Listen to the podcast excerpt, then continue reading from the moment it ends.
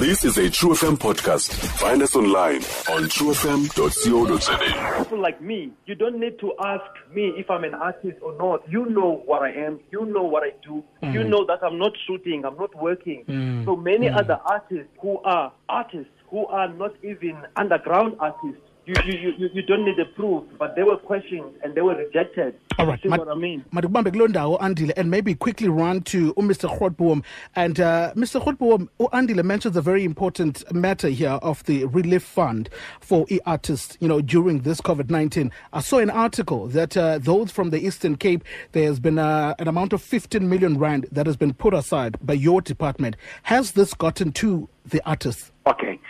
I-relief fund yase-Eastern Cape um safazi yile process sikuyo eh, as we speak eh thina si-advertisile kunjalo nje sawugqiba uadvertise sazifaka nee-categories and as early as last friday actually we met with USIFSA, the interim leadership, that's how they address themselves. Um, they put that meeting, that meeting chaired by the Honorable MEC, they put consensus, which we took as a concern. And we went back, change ezinye izinto ebesizifakile kwi-application form.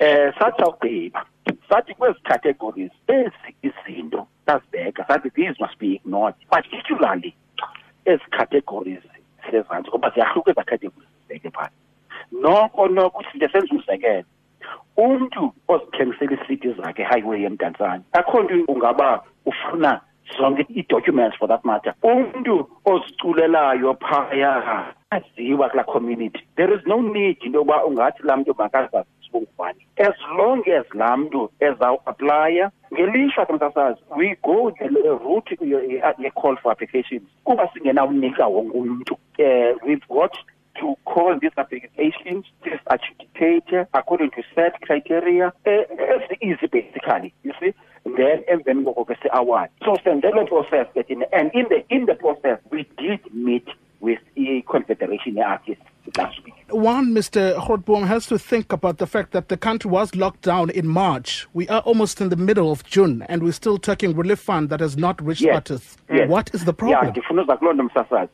Uh, i-lockdown was in March. There were process, for example, apha eprovinsini, le release yale mali from the fiscus ayizanga ngoMarch, ayizanga ngo-April. Thina sinikwe ngoMay thina apha eprovinsini. And immediately when that was made available to us, we moved as a department.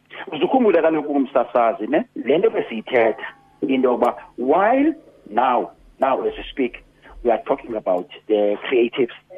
There are also other imperatives um, that play themselves into the space, like your health sector, yonke le nto. So ngelinye ixesha ungabona i-attention ingeniswe kwimpilo yabantu. Yaqonda the health. Uh, that is why thina sithe sakuyinikwa lo mnyinyiva immediately we moved. All right. Andile, Yes, sir. u- uyamva u-senior manager of arts and culture, u-Mr. Grootboom, uh, umvile.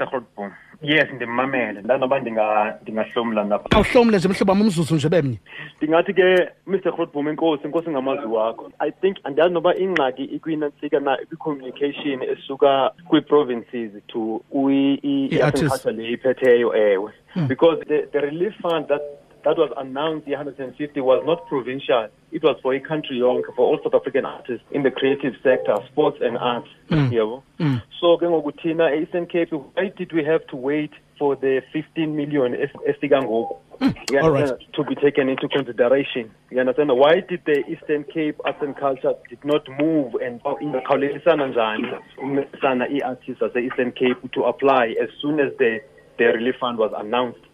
All right. Ndikuvile andile thank you so much for joining us on this discussion. Stream True FM online on truefm.co.za. sikho yonke indawo ngalo ixesha like no one else